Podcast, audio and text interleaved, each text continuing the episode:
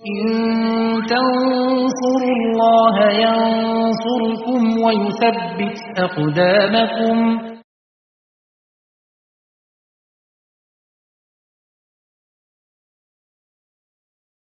السلام عليكم ورحمة الله وبركاته.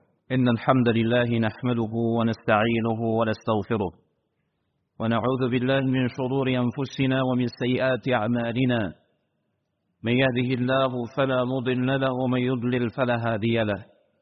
أشهد أن لا إله إلا الله وحده لا شريك له وأشهد أن محمدا عبده ورسوله.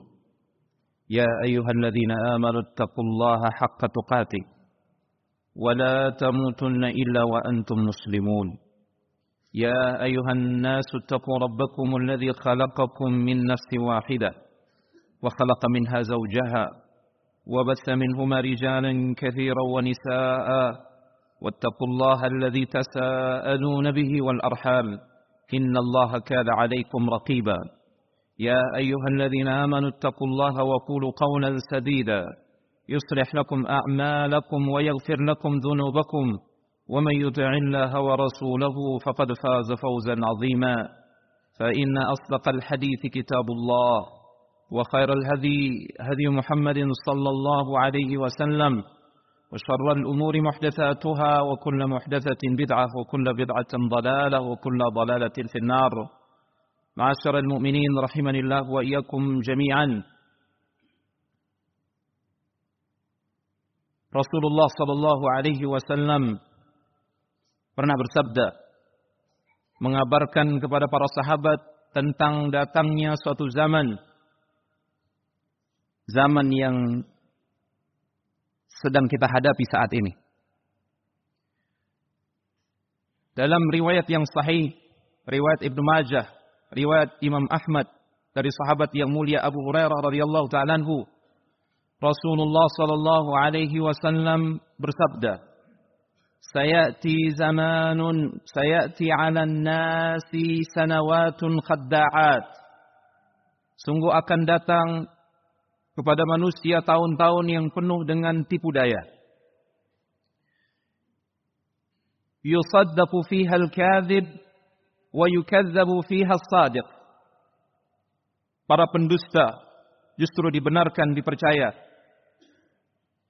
dan orang-orang yang benar dan jujur justru didustakan. Wa yu'tamanu fiha al-kha'in wa yukhawwanu fiha al-amin. Orang-orang yang berkhianat justru diberikan amanat. Sebaliknya, orang-orang yang amanah justru dikhianati. Intinya Rasulullah SAW mengabarkan tentang datangnya suatu zaman di mana kebenaran sudah dianggap kebatilan. Yang batil dianggap yang hak kebenaran. Kebenaran disingkirkan, dibenci, bahkan dimusuhi. Sebaliknya kebatilan tampak indah seakan-akan itu adalah kebenaran. Kemudian Rasulullah sallallahu alaihi wasallam bersabda, "Wa yantiqu fiha ruwaibidah." Dan di zaman tersebut akan muncul ruwaibidah.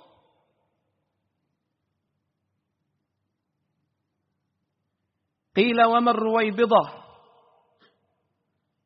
Dikatakan kepada Rasulullah sallallahu alaihi wasallam, siapa mereka ar-ruwaibidah?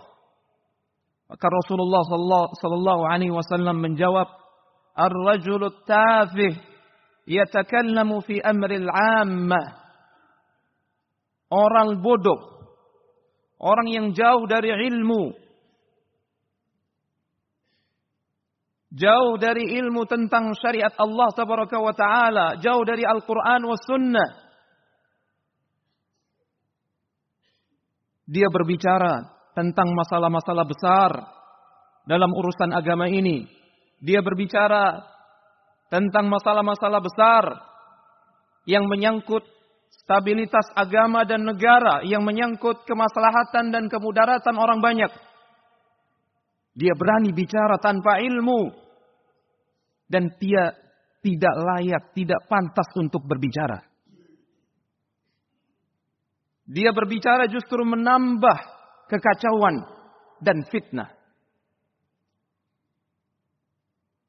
Ar-Ruwaibidah di zaman ini bermunculan dan kita menyaksikannya. Justru mereka diberikan panggung. Justru mereka memiliki pengikut yang banyak. Padahal mereka tidak memiliki ilmu. Kerusakan yang mereka akibatkan jauh lebih besar daripada maslahat yang diharapkan untuk umat. Yantiqu fiha ar-ruwaibidah. Inilah zaman di mana ar-ruwaibidah bermunculan dan berbicara. Jemaah yang dimulakan Allah tabaraka wa taala, sungguh apa yang disabdakan oleh Rasulullah sallallahu alaihi wasallam ini seakan-akan di hadapan mata kita. Dan ini bukti nubuah beliau alaihi salatu wassalam. Bagi orang-orang yang memiliki ilmu dari Al-Quran was sunnah. Mereka bisa melihat siapa yang berada di atas al-haq dan siapa yang berbicara dengan kebatilan. Sungguh disayangkan yang batil dianggap hak dan yang hak dianggap batil. Seseorang atau banyak orang di zaman ini menyeru kepada kebatilan yang dianggap hak dan dia memusuhi yang hak yang dianggap sebagai kebatilan naudzubillah. Semua orang berbicara. Terlebih ini adalah tahun politik. Semua orang yang berbicara tanpa ilmu. Mereka berbicara tentang perkara yang besar bahkan di kedai-kedai kopi di kolom-kolom komentar medsos. Andai kata mereka diam, itu justru lebih bas maslahat dan manfaat bagi umat. Kita dilarang untuk berbicara kecuali atas dasar ilmu. Ma'asyiral mu'minin rahimanillah wa iyyakum jami'an. Bermunculannya ruwaibidah ini. Inilah yang menimbulkan pertikaian dan perpecahan di tengah umat. Dan ketika pertikaian dan perpecahan itu terjadi, yang paling besar akan mengalami kerugian adalah kaum muslimin di negeri ini. Karena kaum muslimin mayoritas di negeri ini. Dan muslimin Indonesia adalah muslimin terbesar di dunia. Perpecahan di tubuh kaum muslimin justru itulah yang diinginkan oleh kufar dan musuh-musuh Islam maka wajib bagi kita untuk kembali kepada para ulama, mendengarkan nasihat mereka terkait apa yang kita hadapi di zaman fitnah ini. Di antara nasihat para ulama agar kita menjauhi sebab-sebab perpecahan, sebab-sebab pertikaian. Fitnah, saling mengolok-olok, saling mencela, saling menggelari dengan lakap-lakap atau gelar yang buruk yang dibenci oleh Allah Tabaraka wa taala. Itu di antaranya. Tidak tatabut dalam mengkonsumsi dan menyebarkan berita, tidak melakukan tabayun, cross check. Apakah berita yang sampai kepadanya fakta, realita ataukah hoax? Karena berita tersebut sesuai dengan hawa nafsunya, segera dia sebarkan. Naudzubillah. Allah Subhanahu wa taala mewanti-wanti kita. Ya ayyuhalladzina amanu in ja'akum fasiqun binaba'in fatabayyanu. Wahai orang-orang yang beriman, jika datang kabar berita dari orang fasik, maka bertasabbutlah, cross check kebenarannya. Karena tidak semua yang kita dengar, yang kita lihat, yang kita baca dari berita tidak semuanya merupakan fakta dan realita. Terlebih para ulama mengatakan, "Laisa kullu ma yu'lam yuqal." Kalaupun informasi yang kita terima itu mengandung kebenaran, fakta dan realita, ketahuilah tidak semua berita, tidak semua hal layak untuk disebarluaskan. Walaysa kullu ma yuqal yuqalu li kulli ahad. Dan tidak setiap hal yang layak untuk dibicarakan dibicarakan di setiap tempat dibicarakan di hadapan semua orang. Maka tabayyun, tasabbut, cross check. Dan ini adalah tuntunan Allah Subhanahu wa taala. Berikutnya, nasihat para ulama jauhi saling mencela, menghina, menggelari dengan lakap-lakap yang buruk. Ya ayyuhalladzina amanu la yaskhar qaumun min qaumin asa an yakunu khairan minhum ولا نساء من نساء عسى أن يكن خيرا منهن ولا تلمزوا أنفسكم ولا تنابزوا bi'sal ismul الفسوق بعد iman ومن لم هم الظالمون orang-orang yang beriman dalam ayat yang mulia ini Allah Subhanahu wa taala melarang kita untuk saling mengolok-olok saling mencela saling memberikan lakap dan gelar yang buruk. Dan siapa yang tidak bertobat dari perbuatan-perbuatan tersebut, mereka lah orang-orang yang sejatinya zalim di sisi Allah Taala. Allah Subhanahu wa taala juga mengingatkan ya ayyuhalladzina amanu ijtanibu katsiran minadh-dhann inna ba'd adh-dhanni ithm wa la tajassasu ولا يغتب بعضكم بعضا أيحب أحدكم أن ayyakula lahma akhihi maitan fakarihtumuh. Wahai orang-orang yang beriman, jauhi sebagian besar prasangka, yaitu prasangka yang buruk kepada sesama mukmin. Jangan cari-cari kesalahan atau korek-korek kesalahan orang-orang yang beriman, apalagi untuk disebarkan. Dan jangan saling menggibah. Begitu besarnya dosa gibah. Sampai-sampai Allah Subhanahu wa taala mengatakan, "Ayuhibbu ahadukum ay ya'kula lahma akhihi maita fakarihtumu?" Apakah kalian sudi suka untuk memakan bangkai saudara kalian sendiri? Tentu kalian akan merasa jijik. Ketahuilah, Orang yang menggibah saudaranya, dia telah memakan bangkai saudaranya sendiri. Nauzubillah. Semua yang disebutkan dalam surat Al-Hujurat, ayat yang ke-6, ayat yang ke-11, ayat yang ke-12 ini. Semuanya adalah faktor-faktor terbesar yang bisa menjurumuskan kita ke dalam jurang pertikaian, perpecahan yang dibenci oleh Allah Taala. Wa'tasimu bihablillahi jami'a wala tafarraqu berpegang teguhlah kalian dengan tali Allah tabaraka wa taala kalian semua wajib berpegang teguh pada tali Allah. Tali Allah yang dimaksudkan. Para ulama ahli tafsir menyebutkan petunjuk Allah petunjuk Rasulullah sallallahu alaihi wasallam. Al-Qur'an was sunnah tentunya dengan pemahaman yang benar pemahaman para sahabat radhiyallahu taala anhum ajma'in. Maka semoga Allah Subhanahu wa taala menyatukan hati kita semua, menjauhkan kita dari fitnah. Dan semoga Allah Subhanahu wa taala memberikan kita pemimpin yang terbaik untuk Islam dan kaum muslimin.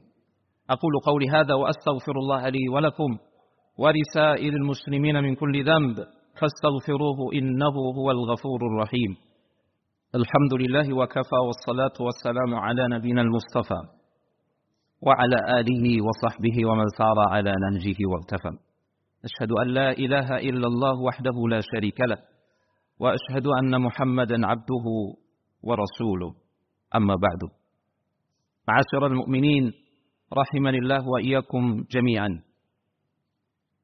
Sungguh kita berada di zaman fitnah, zaman yang penuh dengan kekacauan.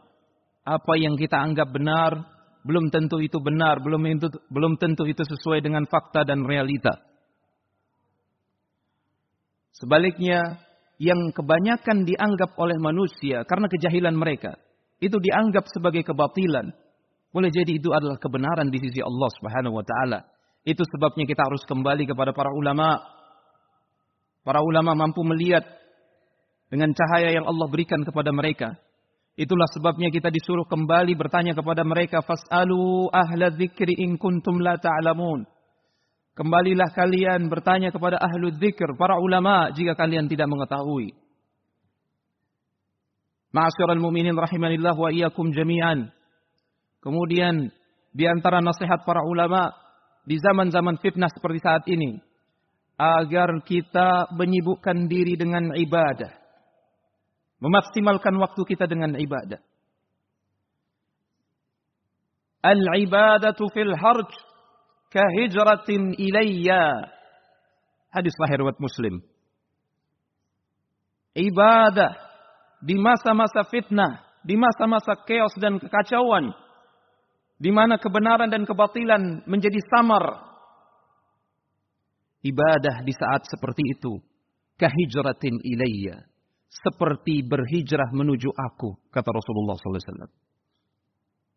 Ada tiga keistimewaan yang disebutkan oleh para ulama terkandung dalam hadis yang mulia ini. Yang pertama, keistimewaan mendapatkan pahala hijrah. Orang-orang yang beribadah di masa fitnah tidak tenggelam dengan fitnah. Tidak ikut-ikutan dengan sesuatu yang bukan menjadi kapasitas dia atau wewenang dia atau ranah keilmuan dia. Dia tidak ikut-ikutan. Dia sibuk dengan ibadah, tafarruq ibadah kepada Allah Tabaraka wa taala. Dia mendapatkan keistimewaan pahala hijrah. Yang kita tahu sahabat-sahabat Ansar tidak mendapatkan ibadah hijrah tersebut. Ibadah hijrah tersebut didapatkan oleh sahabat-sahabat muhajirin. Keistimewaan yang kedua. Rasulullah SAW menyebutkan bahwasanya orang-orang yang ber, beribadah di saat fitnah seakan-akan dia menuju Rasulullah sallallahu alaihi wasallam. Dia menggabungkan diri bersama kafilah Rasulullah sallallahu alaihi wasallam dan para sahabat dan dipastikan golongan Rasulullah, kafilah Rasulullah sallallahu alaihi wasallam pastilah kafilah yang akan selamat. Kemudian yang ketiga jamaah sekalian yang dimuliakan Allah taala, keistimewaan menjadi orang-orang yang sedikit. Karena betapa banyak manusia jatuh dan tenggelam di dalam fitnah. Lalu mereka tidak bisa keluar dari fitnah tersebut. Maka beruntunglah orang-orang yang sedikit tersebut. Sebagaimana dulu para sahabat muhajirin ketika mereka hijrah, jumlah mereka sedikit. Maka orang-orang yang beribadah di saat-saat kacau dan fitnah mereka adalah orang-orang yang istimewa yang jumlahnya sedikit. Semoga Allah Subhanahu wa taala menjadikan kita termasuk mereka.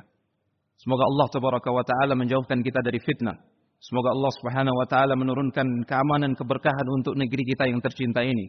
Semoga Allah Subhanahu wa taala menyatukan hati-hati kita di atas tauhid, di atas sunnah Rasulullah sallallahu alaihi wasallam dan di atas amal saleh sampai Allah mewafatkan kita. Allahumma salli ala Muhammad wa ala ali Muhammad kama sallaita ala Ibrahim وعلى آل إبراهيم إنك حميد مجيد. اللهم بارك على محمد وعلى آل محمد كما باركت على إبراهيم وعلى آل إبراهيم إنك حميد مجيد. اللهم اغفر للمسلمين والمسلمات الأحياء منهم والأموات إنك سميع قريب مجيب الدعوات. يا قاضي الحاجات ربنا ظلمنا أنفسنا وإن لم تغفر لنا وترحمنا لنكونن من الخاسرين. ربنا آتنا في الدنيا حسنة وفي الآخرة حسنة وقنا عذاب النار. عباد الله اذكروا الله يذكركم واشكروه على نعمه يزدكم ولذكر الله أكبر والله يعلم ما تصنعون. أقر الصلاة.